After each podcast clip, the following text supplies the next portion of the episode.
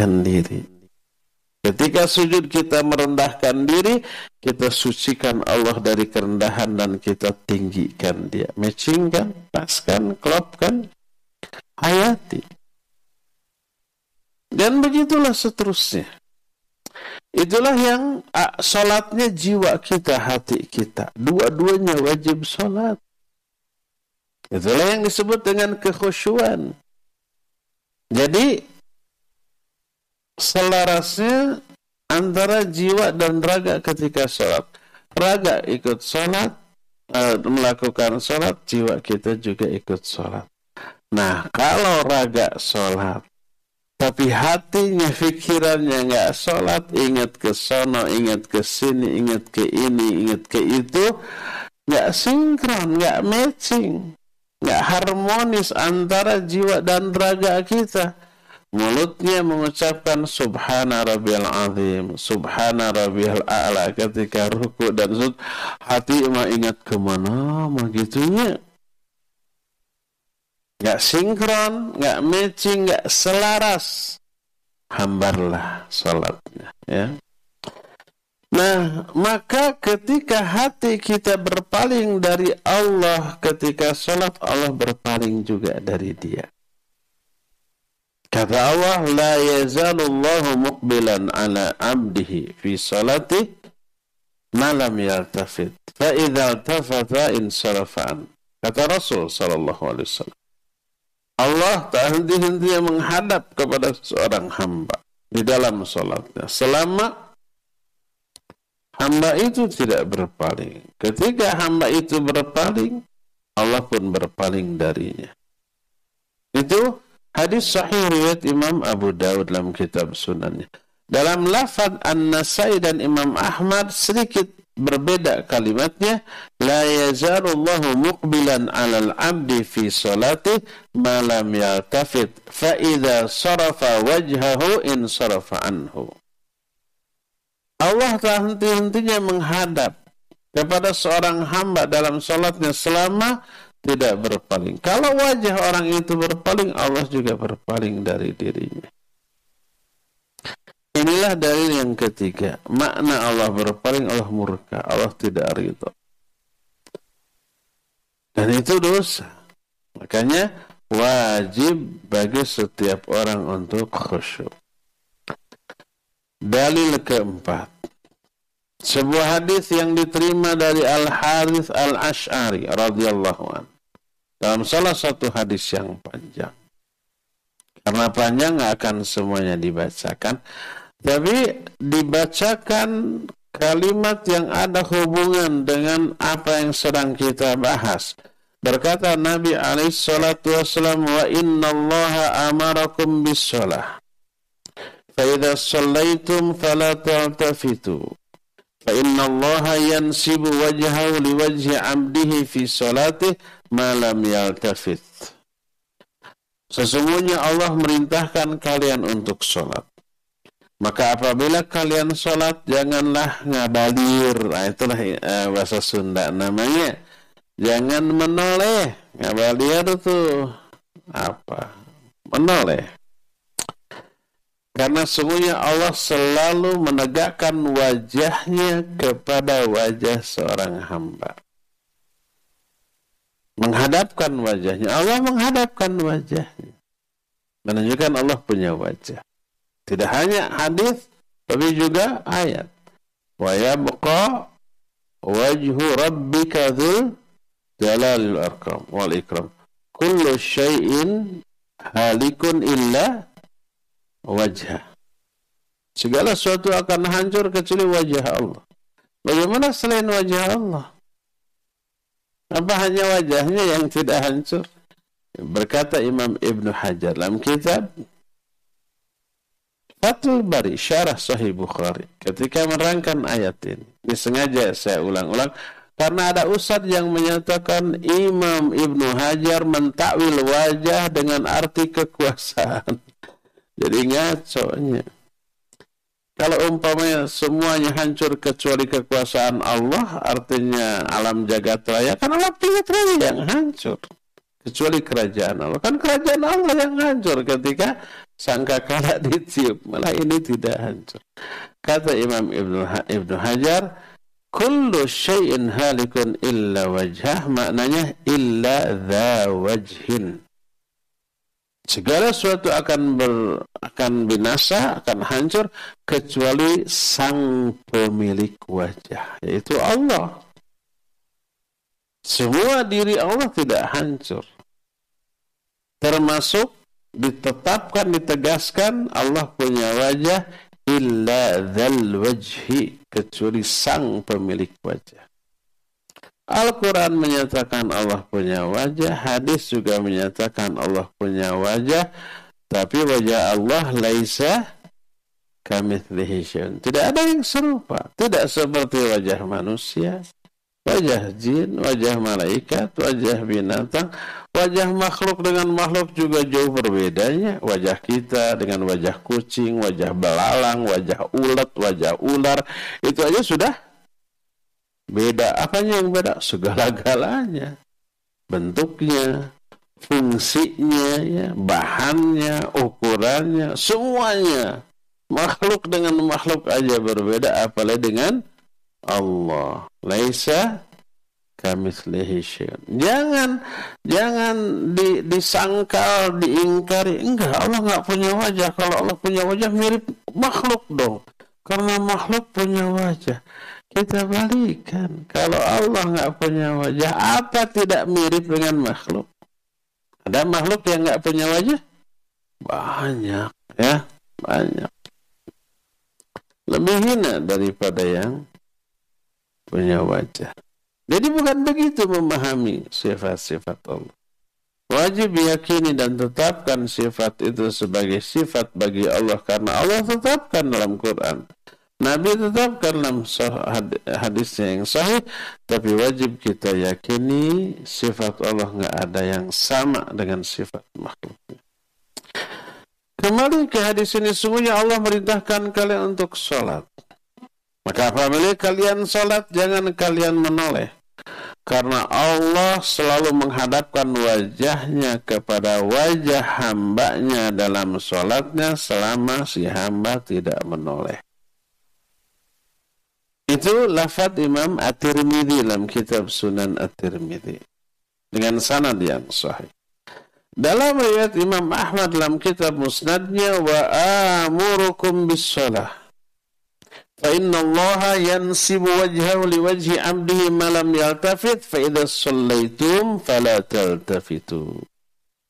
Aku perintahkan kalian untuk salat. Karena sungguhnya Allah menghadapkan wajahnya ke wajah sang hamba selama hamba itu tidak menoleh.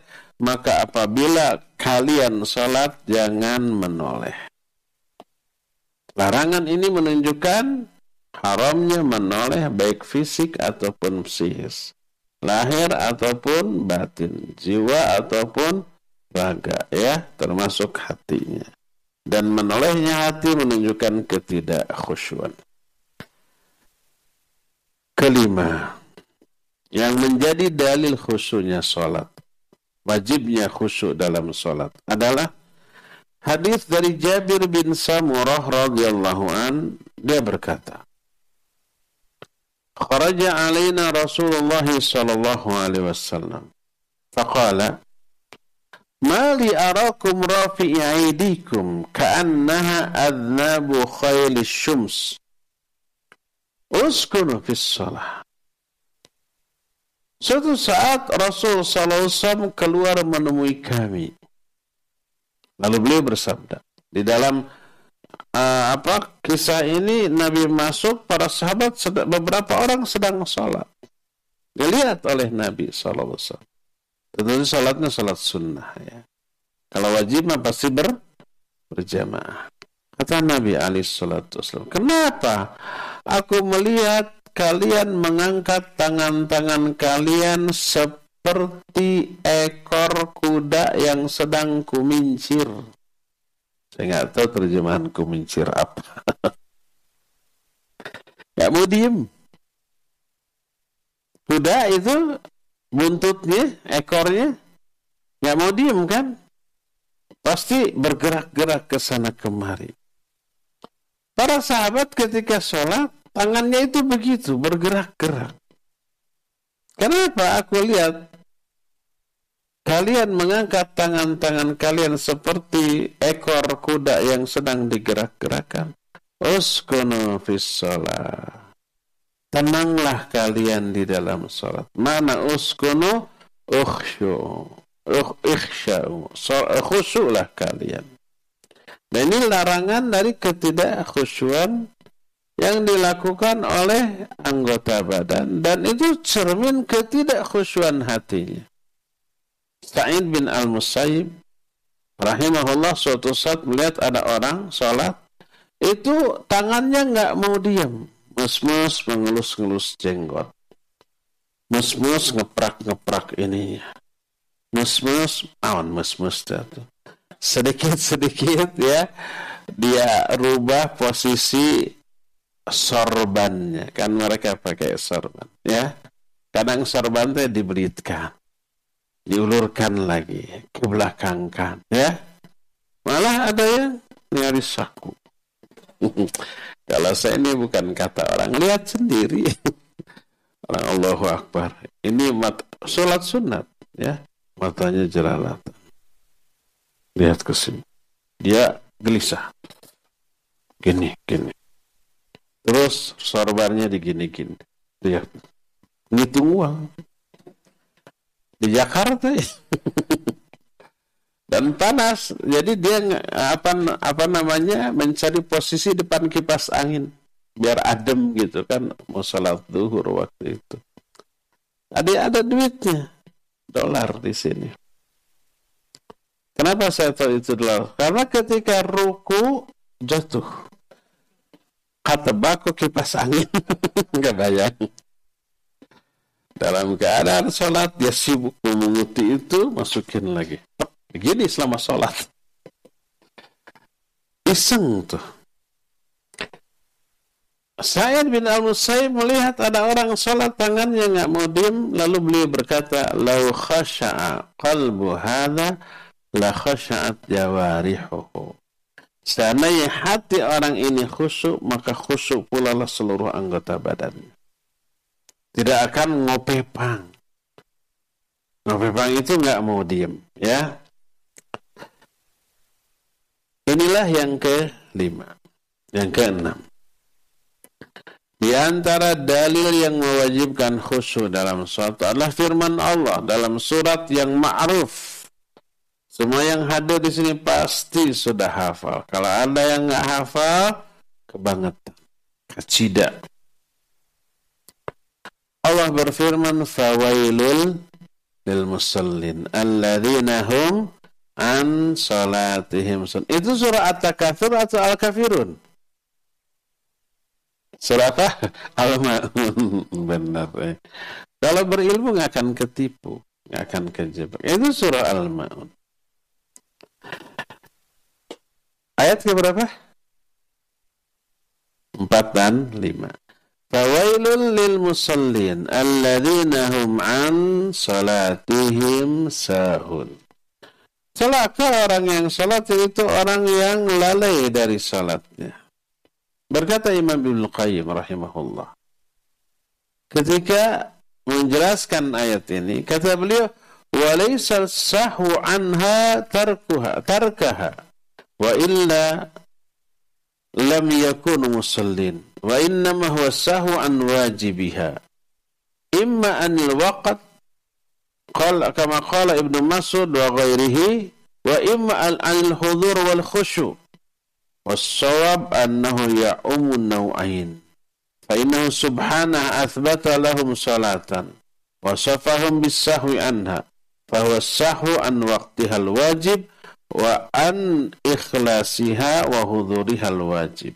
Walidhalika wasafahum bisahwi. Lau kana sahwu tarkan lama kana hunaka riya. Kata Imam Ibn Qayyim ketika menafsirkan Al-Ma'un ini, kata beliau, lalai dalam ayat ini bukan meninggalkan sholat. Karena kalau meninggalkan sholat bukan orang yang sholat. Padahal ayat ini menyatakan celaka orang yang sholat. Berarti dia sholat tidak? Sholat. Jadi sahurnya bukan meninggalkan sholat. Sholat, tapi dalam sholatnya sahun. Yang dimaksud sahun lalai dari kewajiban sholat. Mungkin waktunya. Waktunya diundur-undur, ditunda-tunda. Harusnya di awal waktu ini pertengahan atau hampir akhir waktu. Sebagaimana perkataan Ibnu Mas'ud dan yang lainnya, atau kewajiban lain dalam sholat yaitu hadirnya hati dan khusyuk di dalam sholat. Itu juga wajib. Maka yang benar kata Imam Ibnu Qayyim mencakup kedua-duanya. Ya waktunya diundur-undur ya tidak khusyuk hatinya tidak ikut hadir di dalam sholat maka terjerumus dialah terjerumuslah dia ke dalam dosa. Karena mengabaikan kewajiban. Wajib ikhlas, wajib khusyuk, wajib di awal waktu untuk laki-laki, wajib berjamaah, wajib mutaba'ah. Banyak tuh kewajiban di dalam sholat. Dan kewajiban ini diabaikan banyak orang. Banyak orang tidak tidak khusyuk, itu kebanyakan. Bukan kebanyakan, kata semuanya semua tidak khusyuk kadang tidak ikhlas banyak yang tidak mutabah banyak yang tidak berjamaah tanpa uzur banyak yang tidak di awal waktu. Nah dosa. Makanya pantas beres sholat. Assalamualaikum kanan assalamualaikum kiri.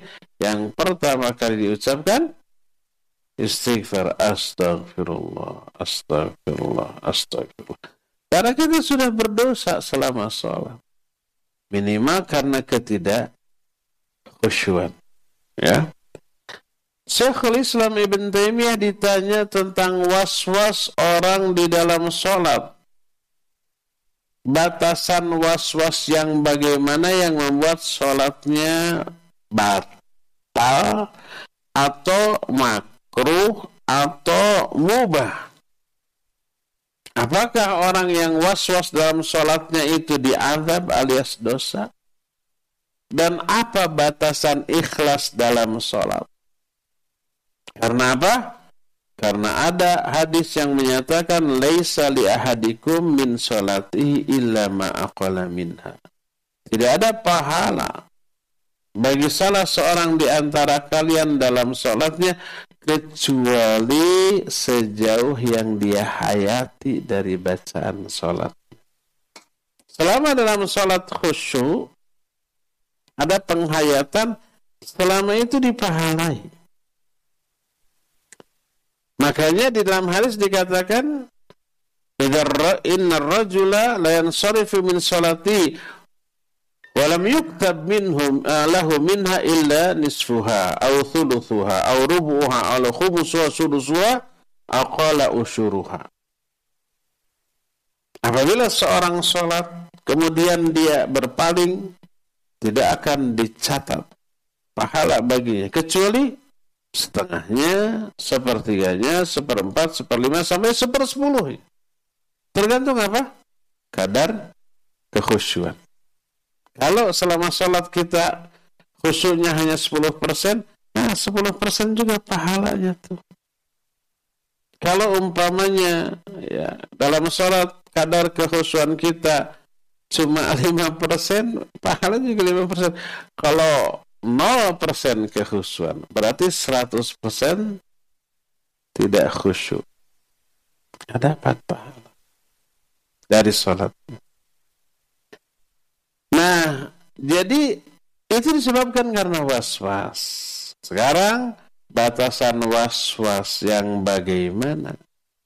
Yang membuat sholatnya batal atau sholatnya itu makruh atau sholatnya mubah atau nggak dapat pahala. Apa harus diulang atau tidak kalau sholatnya tidak khusyuk? Maka dijawab oleh beliau, Alhamdulillah. Al-waswas naw'an. Waswas itu ada dua jenis.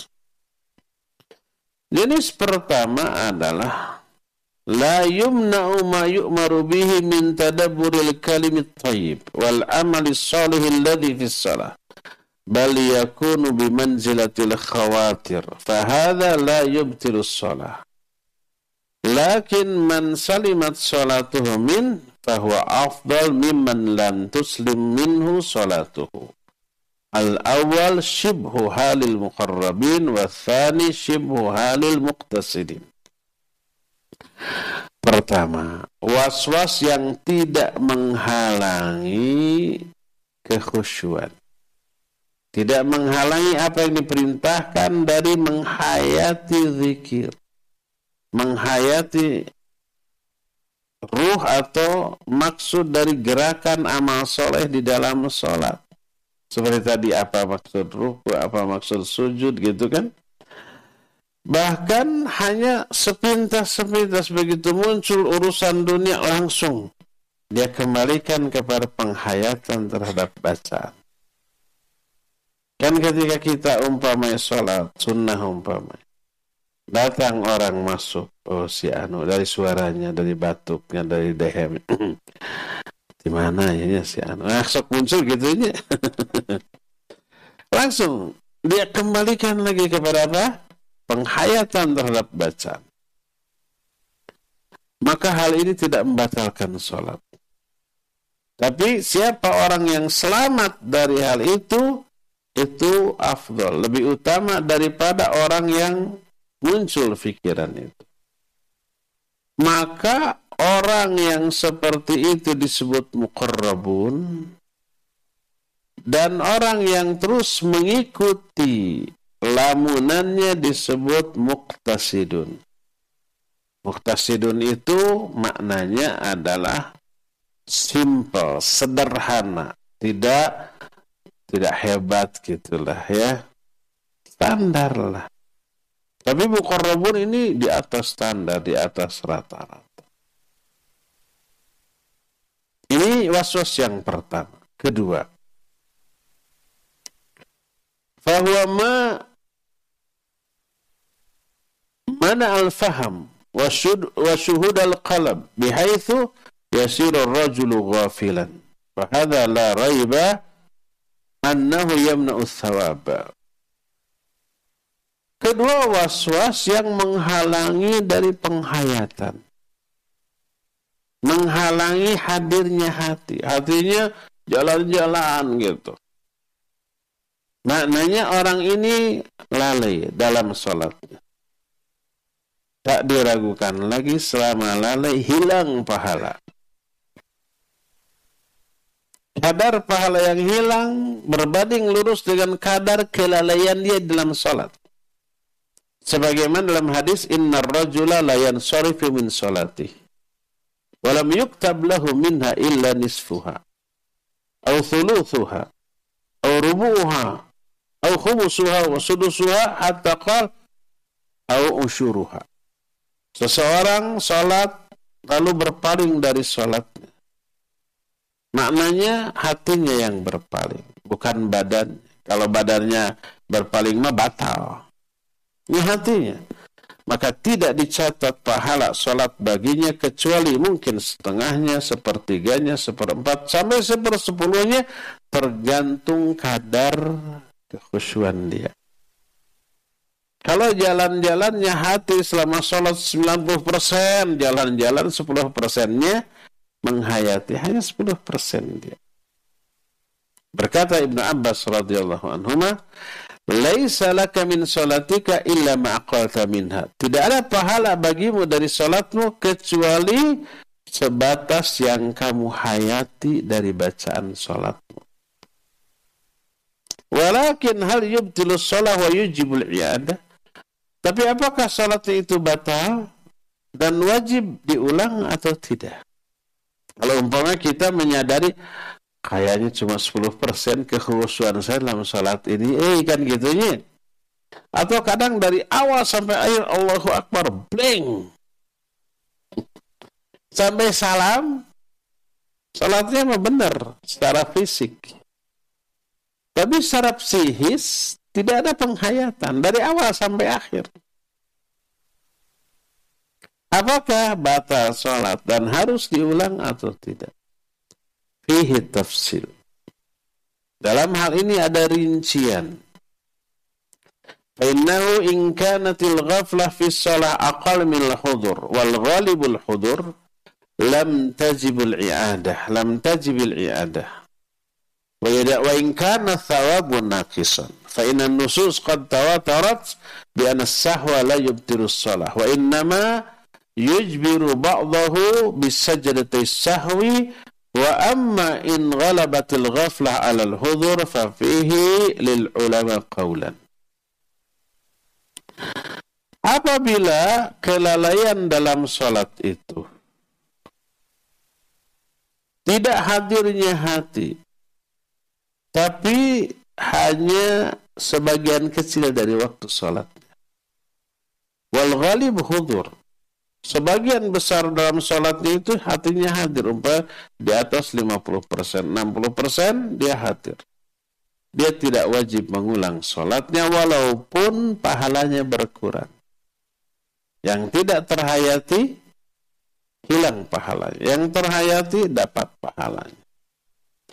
Dan hadis mutawatir bahwa orang yang lalai dari sholatnya karena lupa, lupa tahiyat awal gitu ya. Itu kenapa bisa lupa? Karena lalai. Sholatnya tidak batal tapi harus diganti dengan apa? Dua sujud sahwi. Adapun kalau mayoritas dari sholatnya lalai di atas 60-70 persen lalai. Khususnya cuma 20 atau 30 persen. Kita mah 30 persen sudah gede ya. Maka dalam hal ini para ulama ada dua pendapat.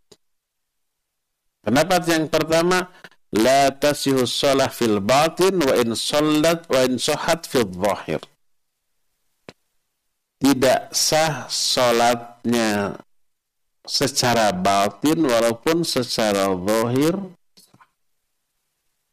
Kalau zahirnya kan tidak ada yang membatalkan. Tidak ada gerakan yang membuat sholatnya batal. Kalau zahir.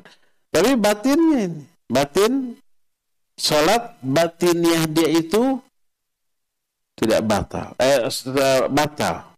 Karena apa? Tidak tidak khusyuk Kenapa? Karena maksud dari sholat yaitu kehusuan tidak tercapai. Seperti sholat orang yang ria. Maka orang yang ria sholatnya secara zahir sah. Tapi secara batin tidak sah. Makanya diadab fawailul lil musallin alladzina hum yura'un. Ini adalah pendapat Abu Abdullah Abu Hamid Al-Ghazali rahimahullahu taala. Ini pertama. Kedua, tabra'u. Dia sudah menunaikan kewajiban. Tidak wajib mengulangi sholat. Walaupun tidak ada pahala baginya. Pahalanya nggak dapat. Tapi dia sudah dianggap menunaikan kewajiban. Sama dengan orang yang saum. Selama saumnya ngomongnya nyelekit, menghina, menggibahi, mencela, memfitnah orang, ngebohong. Dalam saumnya, apakah saum itu batal karena kemaksiatan? Tidak. Saumnya tetap selama tidak makan, tidak minum, tidak hubungan suami istri, saumnya tidak batal. Dia sudah dianggap menunaikan saum. Tapi pahala saumnya musnah. Rasul SAW bersabda, Malam yada qawla zur wal amala bi, falaysa lahu min siyamihi ilal ju' wal atas. Siapa orang yang Selama saumnya tidak meninggalkan ucapan dan amalan yang buruk yang sia-sia, tidak ada yang dia dapat dari saumnya kecuali lapar dan dahaga. Dan ini pendapat yang masyur dari Imam Ahmad dan imam-imam ahlus sunnah yang lainnya. Demikian juga orang yang sholat, dia melamun dalam sholatnya. Salatnya sah, tidak batal. Dan tidak wajib mengulang kembali. Karena tidak batal. Sah. Tapi musnah pahala. Tidak batalnya salat orang itu diperjelas dengan sebuah hadis yang diriwayatkan Imam Bukhari dan Imam Muslim dari Abu Hurairah radhiyallahu an. Berkata Rasul sallallahu alaihi wasallam, "Idza adzana al-muadzinu bis-shalah adbara asy-syaitan wa lahu hatta la yasma' at-ta'dhin." فإذا قضى التأذن أقبل حتى إذا سوي بالصلاة أدبر حتى إذا قضى التثويب أقبل حتى يختر بين المرء ونفسه يقول اذكر كذا اذكر كذا ما لم يكن يذكر حتى يظل لا يدري كم صلى. فإذا وجد أحدكم ذلك فليسجد سجدتين. Kata Rasul SAW, apabila seorang muadzin beradhan untuk sholat, maka larilah setan sambil mengeluarkan kentut yang suaranya keras sampai dia tidak mendengar suara adhan. Suara adhannya kalah sama suara kentut. Kebayang kerasnya. Tapi hanya dia yang dengar, kita mah tidak. Kalau kita mendengar bisa kabur suara naon gitu. Bayangkan suara adan kalah, padahal adan kan kenceng ya.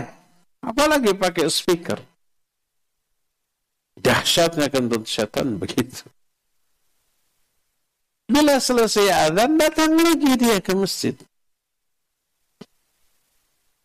Sampai ketika dikomatkan untuk sholat, maka dia kabur lagi. Ketika adhan kabur, ketika komat kabur. Ketika selesai komat datang lagi. Sampai dia membisikkan sesuatu kepada di pikiran seorang. Ingat ini, ingat itu. Yang perkara yang di luar sholat tidak ingat, muncul ingatan itu di dalam sholat. Osokan gitunya. Barang hilang yang dicari di luar sholat, nggak ketemu dalam sholat. Oh, didinya gening. Tah. Ada yang mengalami begitu? Ada pasti banyak. Banyak apa semua? Semua. Sampai dia tak ingat lagi berapa rakaat yang sudah dia lakukan. Maka apabila salah seorang di antara kamu mengalami hal itu, sujudlah dua kali di akhir sholat. Sujud apa? Sujud sahwi. Orang ini khusyuk tidak? Tidak, tidak khusyuk. Makanya dia lupa jumlah rakaat. Nabi SAW hanya memerintahkan dua kali sujud sahwi dan tidak memerintahkan orang itu untuk mengulang kembali sholatnya. Nabi tidak mengatakan siapa di antarakan yang mengalami itu ulanglah sholatnya. Tidak, tapi sujudlah dua kali. Di akhir sholatnya. Ini menunjukkan sholatnya sah. Dan tidak harus diulang, tapi pahalanya hilang. Sebanyak apa hilang pahala? Sebanyak kelalaian dia di dalam sholat. Kalau lalainya 80%, udah 80% dari sholatnya hilang pahalanya. Lumayan 20% dapat pahala. Jadi ternyata sholat fardu kita ada bolongnya? Bukan ada, tapi banyak. Bolong dari sisi keikhlasan dari sisi kekhusyuan dari sisi mutabah dari segi waktu. Wah banyak tuh ya. Makanya wajib ditambal tuh. Apa penambahannya salat salat sunat perbanyak salat sunat sebab pasti salat kita ini banyak bolongnya. Makanya tak heran kalau jumlah rokaat dan jenis salat sunat jauh lebih banyak daripada salat wajib karena kita lebih banyak tambalan, kita lebih banyak butuh tambalan untuk menambah bolong-bolong sholat fardu kita. Jangan sampai sholat fardunya bolong, gitu kita menyatakan ah ada sunnah kalau nggak sholat sunat juga nggak dosa. Akhirnya ditinggalkan. Padahal sangat perlu untuk menambah kekurangan sholat fardu kita. Perbanyak sholat sunnah. Jangan abaikan. Inilah penjelasan tentang beberapa dalil tentang hukum khusu yang intinya khusu itu adalah wajib. Ya cukup sampai di sini. Insya Allah kita teruskan nanti di ahad yang akan datang. Sebulan lagi maksudnya ya. Ya, kita masih punya waktu lima menit untuk bertanya jawab. Wa sallallahu ala nabiyina Muhammadin wa ala alihi wa sahbihi. Tuh, makasih pula. Ada mic? Enggak ada. Keraskan aja suara.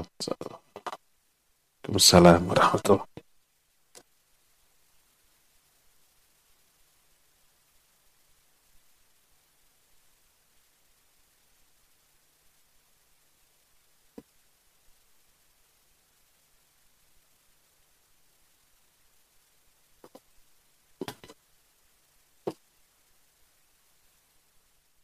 Taib, barakallahu fiqh. Umpamanya kita dalam sujud berdoa minta kesembuhan untuk sahabat kita, orang tua kita yang sedang sakit. Lalu ingat ke orang tua, ingat ke sakitnya, ingat waktu nganter ke dokternya gitu. Iya. Itulah was-was dari syaitan. Anatullahi alaih. Lalu sudah diterangkan munculnya was-was tidak dosa. Karena bukan hasil ikhtiar kita. Sesuatu yang tiba-tiba dimunculkan oleh syaitan. Itu bukan perbuatan kita.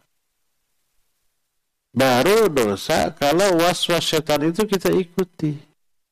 Ingat orang tua sakitan, oh iya ingat ketika ngantar kata dokter terus saja diikuti, itu dosa. Tapi begitu ingat ke orang tua yang sedang sakit, ingat ke waktu ngantar ke dokter, lalu kita ingat, oh ini dalam sholat, langsung kembalikan lagi kepada penghayatan terhadap bacaan, maka kita dapat pahala. Pahala dari memerangi setan dan hawa nafsu kita. Jadi begitu kita mulai ngolembar, apa ngolembar? Kita mulai itu cepat ingat kembalikan lagi. Cepat ingat kembalikan lagi. Cepat ingat kembalikan lagi kepada penghayatan. Maka insya Allah tidak akan merusak pahala sholat kita. Ya.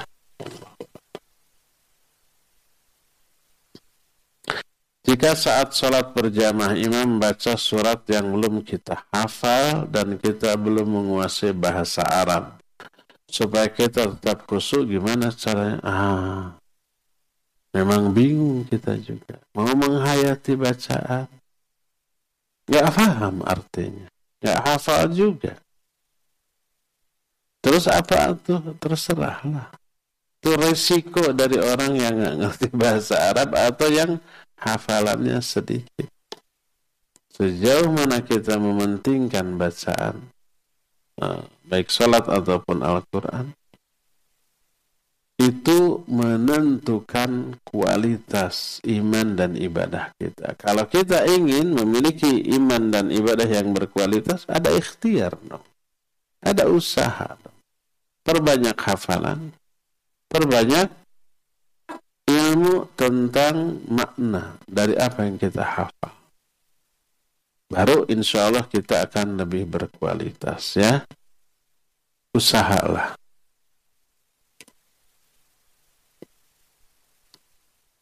Kalau lebih komprehensif pengetahuan kita tentang bacaan Al-Quran tidak hanya arti, tidak hanya nilai sastra, tapi juga tajwid makhraj. Jadi kalau imam benar tajwid makhrajnya ternikmati, aduh masya Allah, uh, makhrajnya pas, bagus. Ketika mengatakan ro yang tebal atau yang tipis, pas banget itu ke hati lebih kena ya. Tajwidnya juga begitu. Ini nun ini ada dengung atau tidak? Kan ada apa namanya uh, id, idgham bi ada idgham bila gunnah. Ada yang pakai dengung ada yang tidak. Kalau imamnya apik Oh ini ada dengungnya, ini ada tidak. Pas. Kalau tidak apik, yang harus ada gunanya tidak pakai guna, yang tidak boleh ada guna pakai guna. Asa sareksek, asa kaberian. Uh, iya. Sa enak-enak laguna tapi rungseb ya ya. Tajwid makhrajna ya.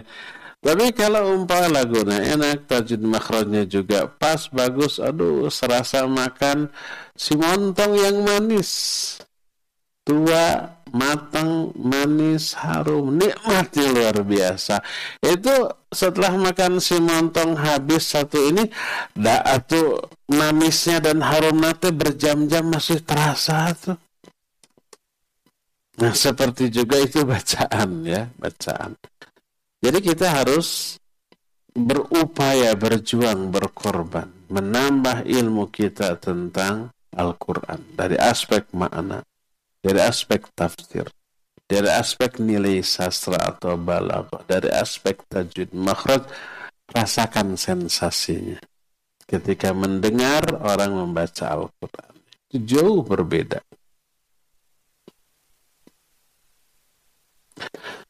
Mohon penjelasan mengenai berdoa di dalam ruku dan sebelum salam. Dalam ruku dan sebelum salam. Apakah kita selalu mengawali sholawat dulu dilanjut dengan memuji nama Allah dalam Asma'ul Husna setelah itu kita berdoa dan ditutup dengan sholawat kepada Nabi kita Sallallahu Alaihi Wasallam kalau sendirian ya karena Nabi SAW pernah mendengar seorang berdoa dalam sholatnya lalu beliau berkomentar orang ini terburu-buru kenapa? karena tidak menyertakan sholawat dalam doa dalam sholatnya. Ini pasti bukan sholat fardu. Pasti sholat sunnah. Karena sholat fardu nggak bisa kita bebas berdoa ya. Baru juga subhana rabbiyal a'la tiga kali, imam sudah takbir bangkit gitu ya dari sujud. Nggak bisa. Tapi kalau dalam sholat sendirian, maksudnya sholat sunnah, jangan yang fardu. Kalau fardu wajib berjamaah dalam tahajud atau dalam sunat apa saja. Boleh rawatib lama? Boleh, bagus. Bukan boleh, bagus. Umpar sholat sunat rawatib lebih lama daripada sholat fardu, nggak apa-apa. Nggak masalah. Ya, karena bebas kita. Nggak ada orang yang terganggu dengan lamanya sholat kita. Beda dengan jamaah. Kalau kita jadi imam nggak bisa lama-lama. Karena mungkin makmum banyak yang ada keperluan maka nggak bisa berlama-lama ya iya jadi kalau sholat sendirian silakan pakai sholawat kepada Nabi alaihissalatu wassalam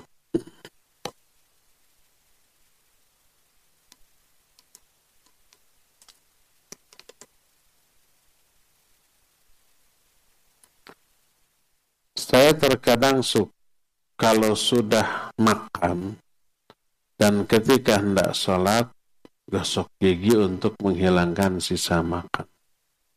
Namun di dalam sholat suka ada sisa makan yang keluar dari sela-sela gigi. Tadi sok dicokel kuletah. Jadi iseng ketika sholat itu silada itu beraktivitas, menyisir setiap celah gigi bisi ayah nyelap. khusu letah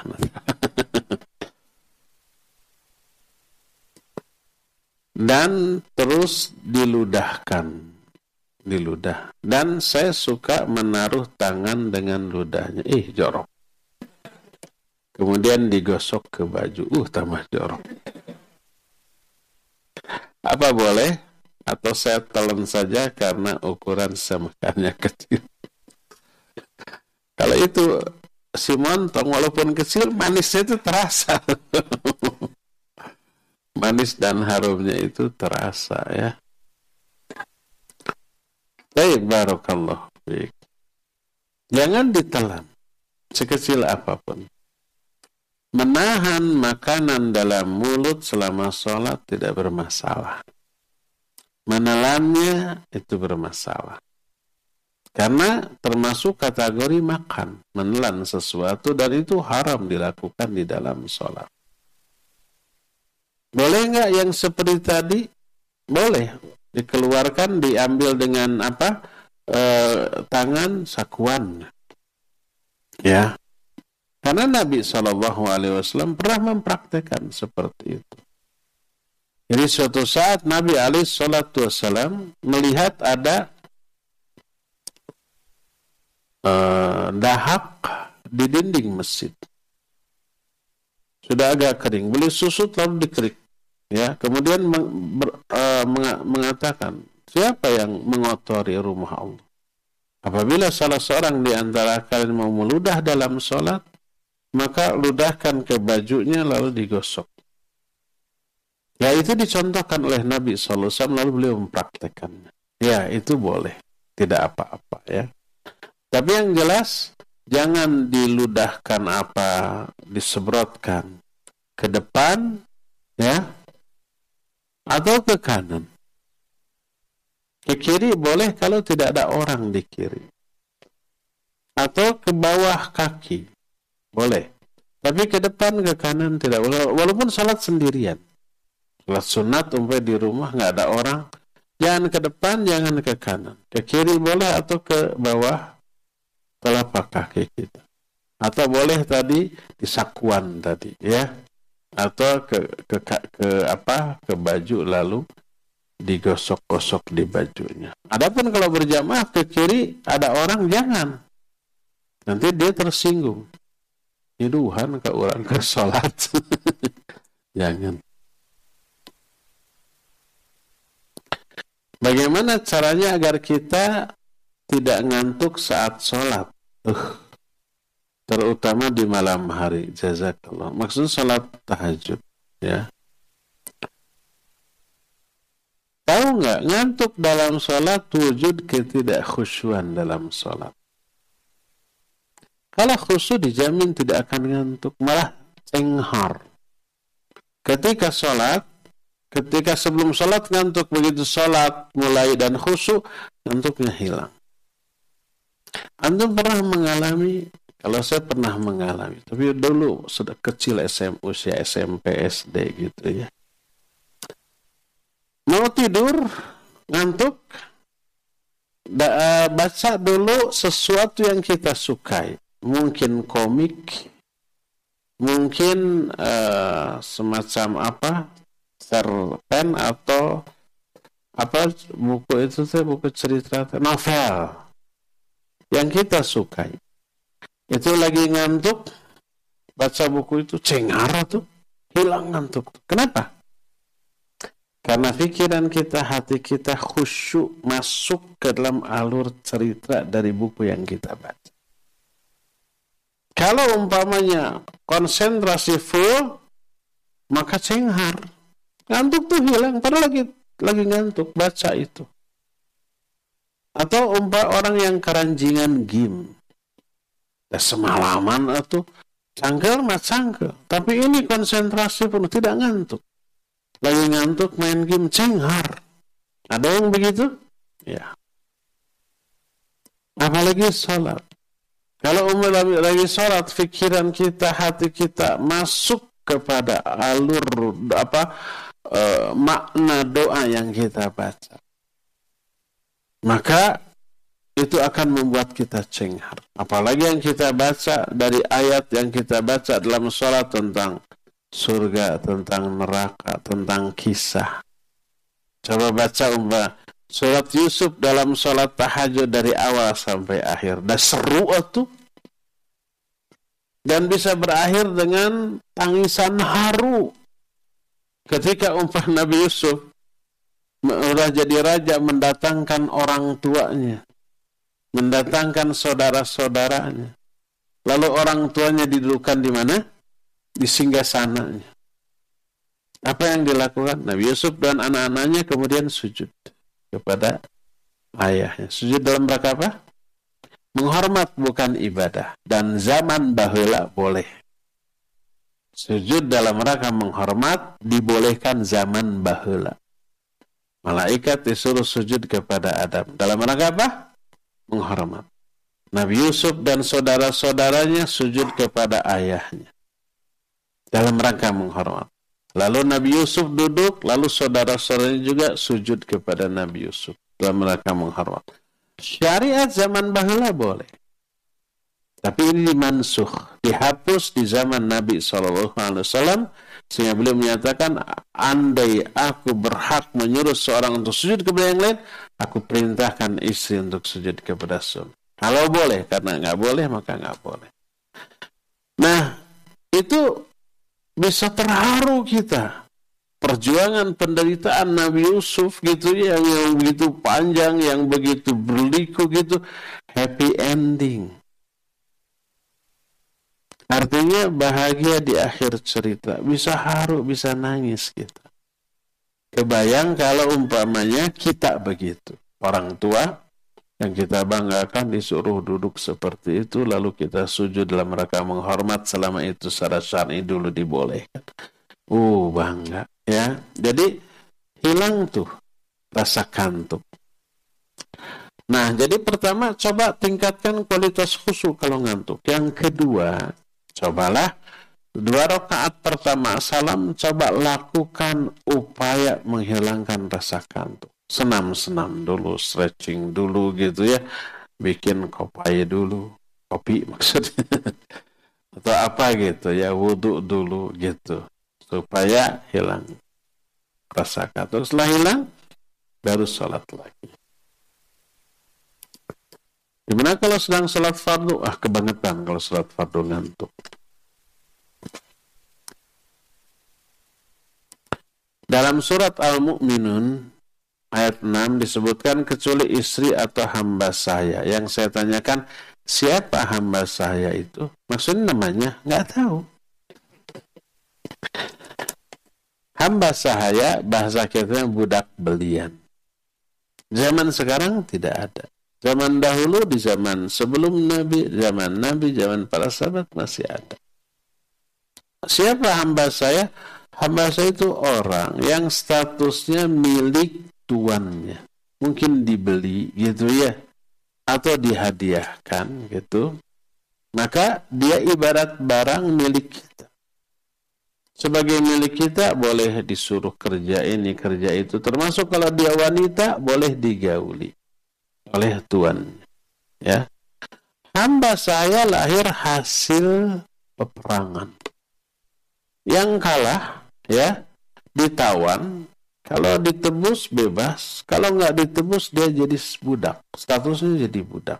Laki ataupun perempuan itu jadi budak, jadi hamba sahaya. Milik tuannya.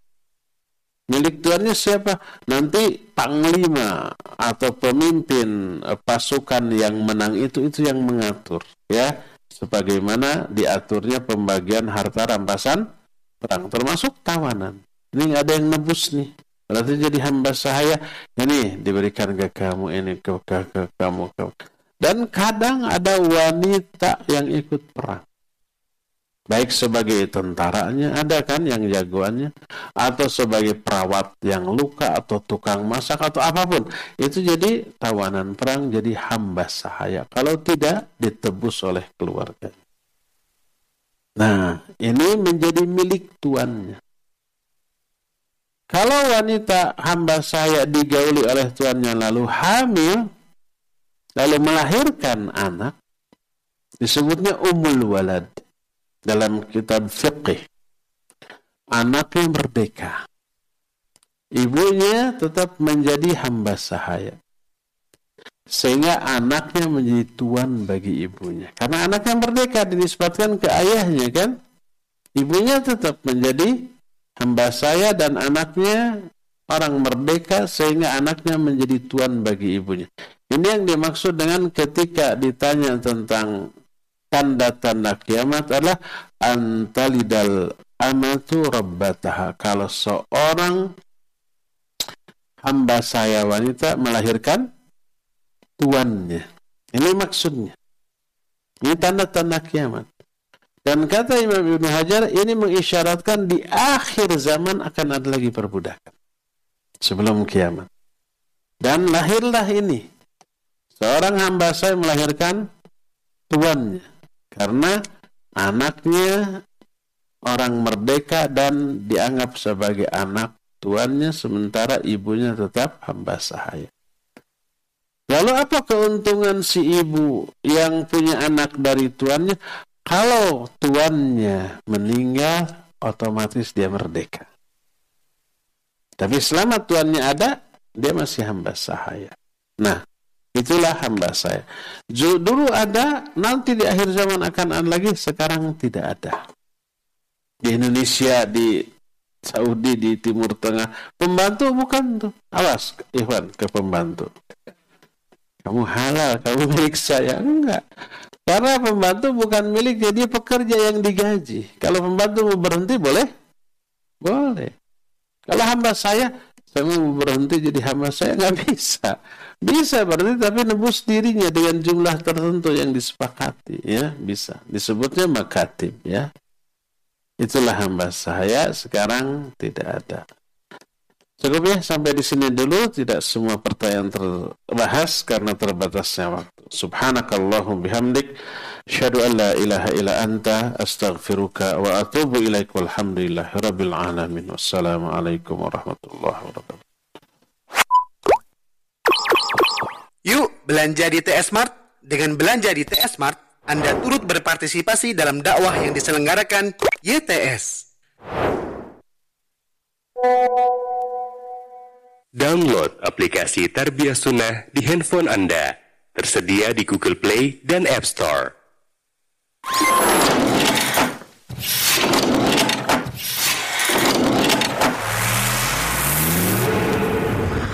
Tarbiyah Sunnah Channel. Lillah, nyunnah, merenah.